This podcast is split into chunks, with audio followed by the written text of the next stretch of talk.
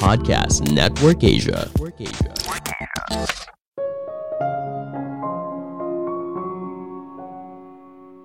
Apakah kamu tahu siapa diri kamu yang sebenarnya? Mungkin saja itu hanyalah sebuah trik dari pikiran. Halo semuanya, nama saya Michael. Selamat datang di podcast saya, Sikutu Buku. Kali ini saya akan bahas buku The Ego Trick karya Julian Bagini.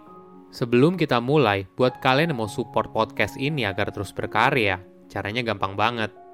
Kalian cukup klik follow.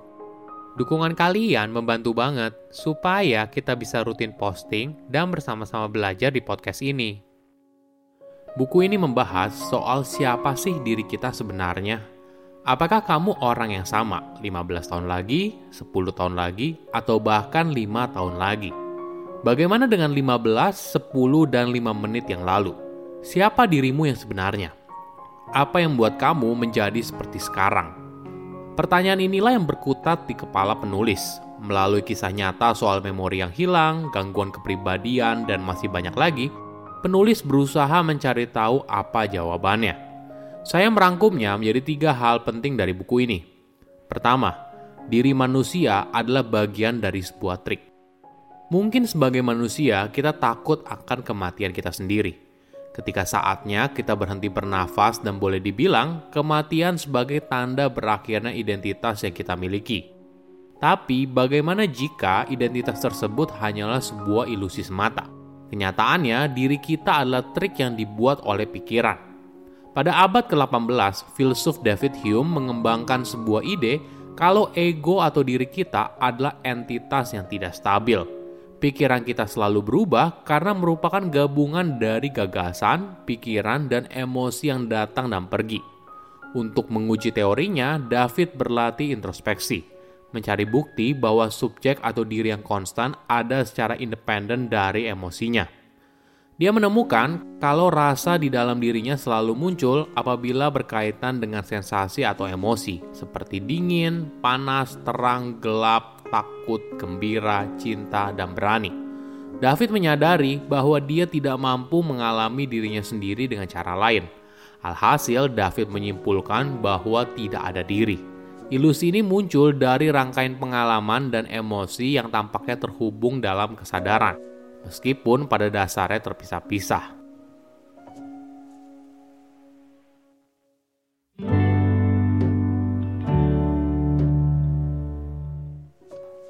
Kedua, pengalaman membentuk diri manusia. Perlu kita pahami, pengalaman manusia itu sifatnya subjektif apa yang kita rasakan pastinya berbeda dengan apa yang orang lain rasakan, walaupun situasinya sama.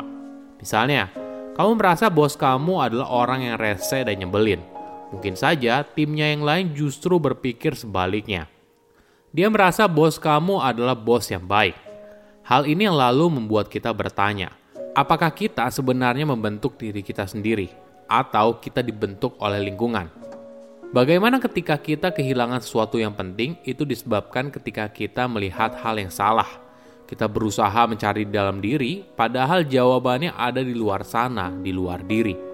Gagasan kalau diri manusia dibangun secara sosial adalah konsep yang relatif baru. Tapi gagasan tentang bagian social self sudah ada sejak tahun 1890 ketika seorang filsuf Amerika Serikat bernama William James membahas gambaran lain tentang saya. Gambaran inilah yang kita internalisasikan dan menjadi bagian dari citra diri kita. Dengan kata lain, bagaimana kita dilihat oleh orang lain mempengaruhi bagaimana kita melihat diri kita sendiri. Bagaimana dengan kasus seorang yang bisa merasakan hal yang sama dengan cara yang berbeda?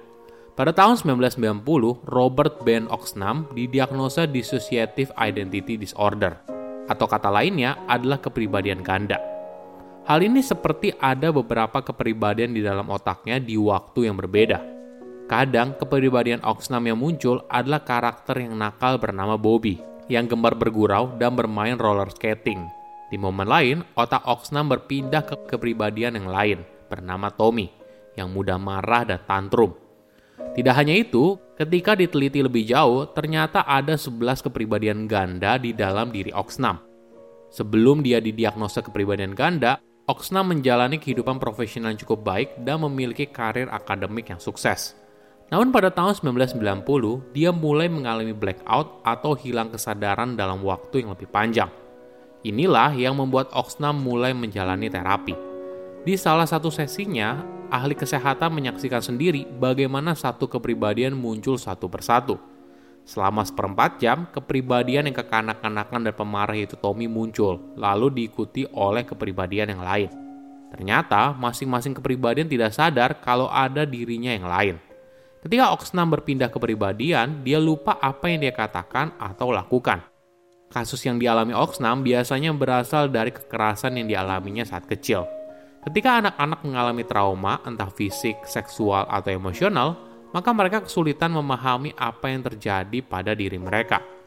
Sebagai mekanisme pertahanan diri, otak mereka menciptakan semesta alternatif di mana orang lain yang merasakan trauma tersebut, bukan dirinya.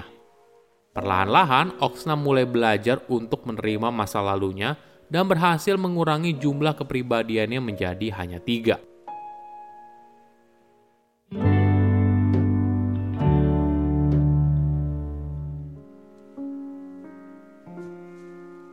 Ketiga, apakah kamu percaya setiap manusia punya jiwa?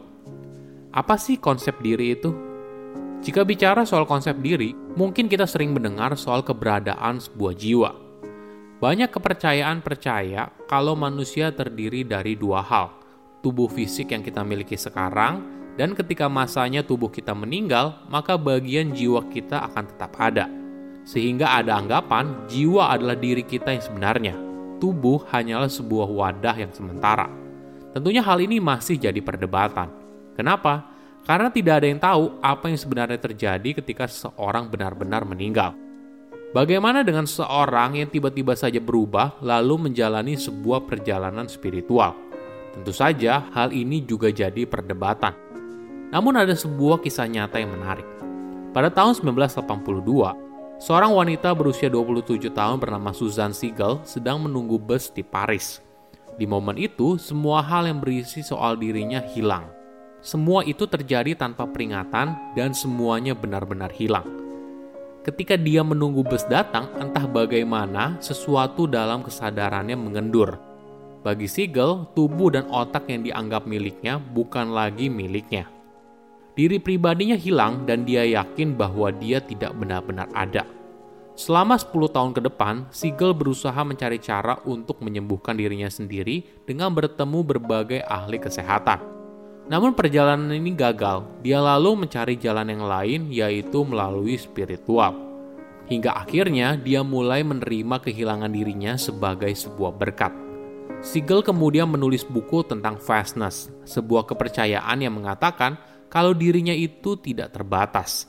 Namun pada tahun 1996, Siegel mulai merasakan kalau dirinya yang dulu telah kembali, sosok yang sedang menunggu bus di Paris 14 tahun yang lalu. Tidak lama kemudian, dirinya mulai kesulitan memegang pena, mengingat nama seorang, dan bahkan berdiri tanpa merasakan kepalanya yang pusing. Jelas sudah kalau dirinya sedang sakit. Dan pada 27 Februari 1997, dirinya didiagnosa dengan tumor otak yang besar. Ukurannya terlalu besar untuk diangkat. Pada tanggal 1 April, Siegel meninggal di usia 42 tahun. Banyak orang mulai bertanya-tanya, apakah perjalanan spiritual yang dijalaninya merupakan hasil dari gangguan yang ada di otaknya atau tidak. Di kasus Siegel, banyak dokter percaya kalau perubahan dalam kesadarannya dimulai pada tahun 1982, saat dirinya sedang menunggu bus di Paris akibat dari tumor yang menekan otaknya. Namun pengikut Siegel tentu saja menolak. Mereka percaya justru tumor yang menyebabkan Siegel kehilangan hubungannya dengan alam semesta. Saya undur diri, jangan lupa follow podcast Sikutu Buku. Bye-bye. Pandangan dan opini yang disampaikan oleh kreator podcast, host, dan tamu tidak mencerminkan kebijakan resmi dan bagian dari podcast Network Asia. Setiap konten yang disampaikan mereka di dalam podcast adalah opini mereka sendiri dan tidak bermaksud untuk merugikan agama, grup etnik, perkumpulan, organisasi, perusahaan, perorangan, atau siapa pun dan apa pun.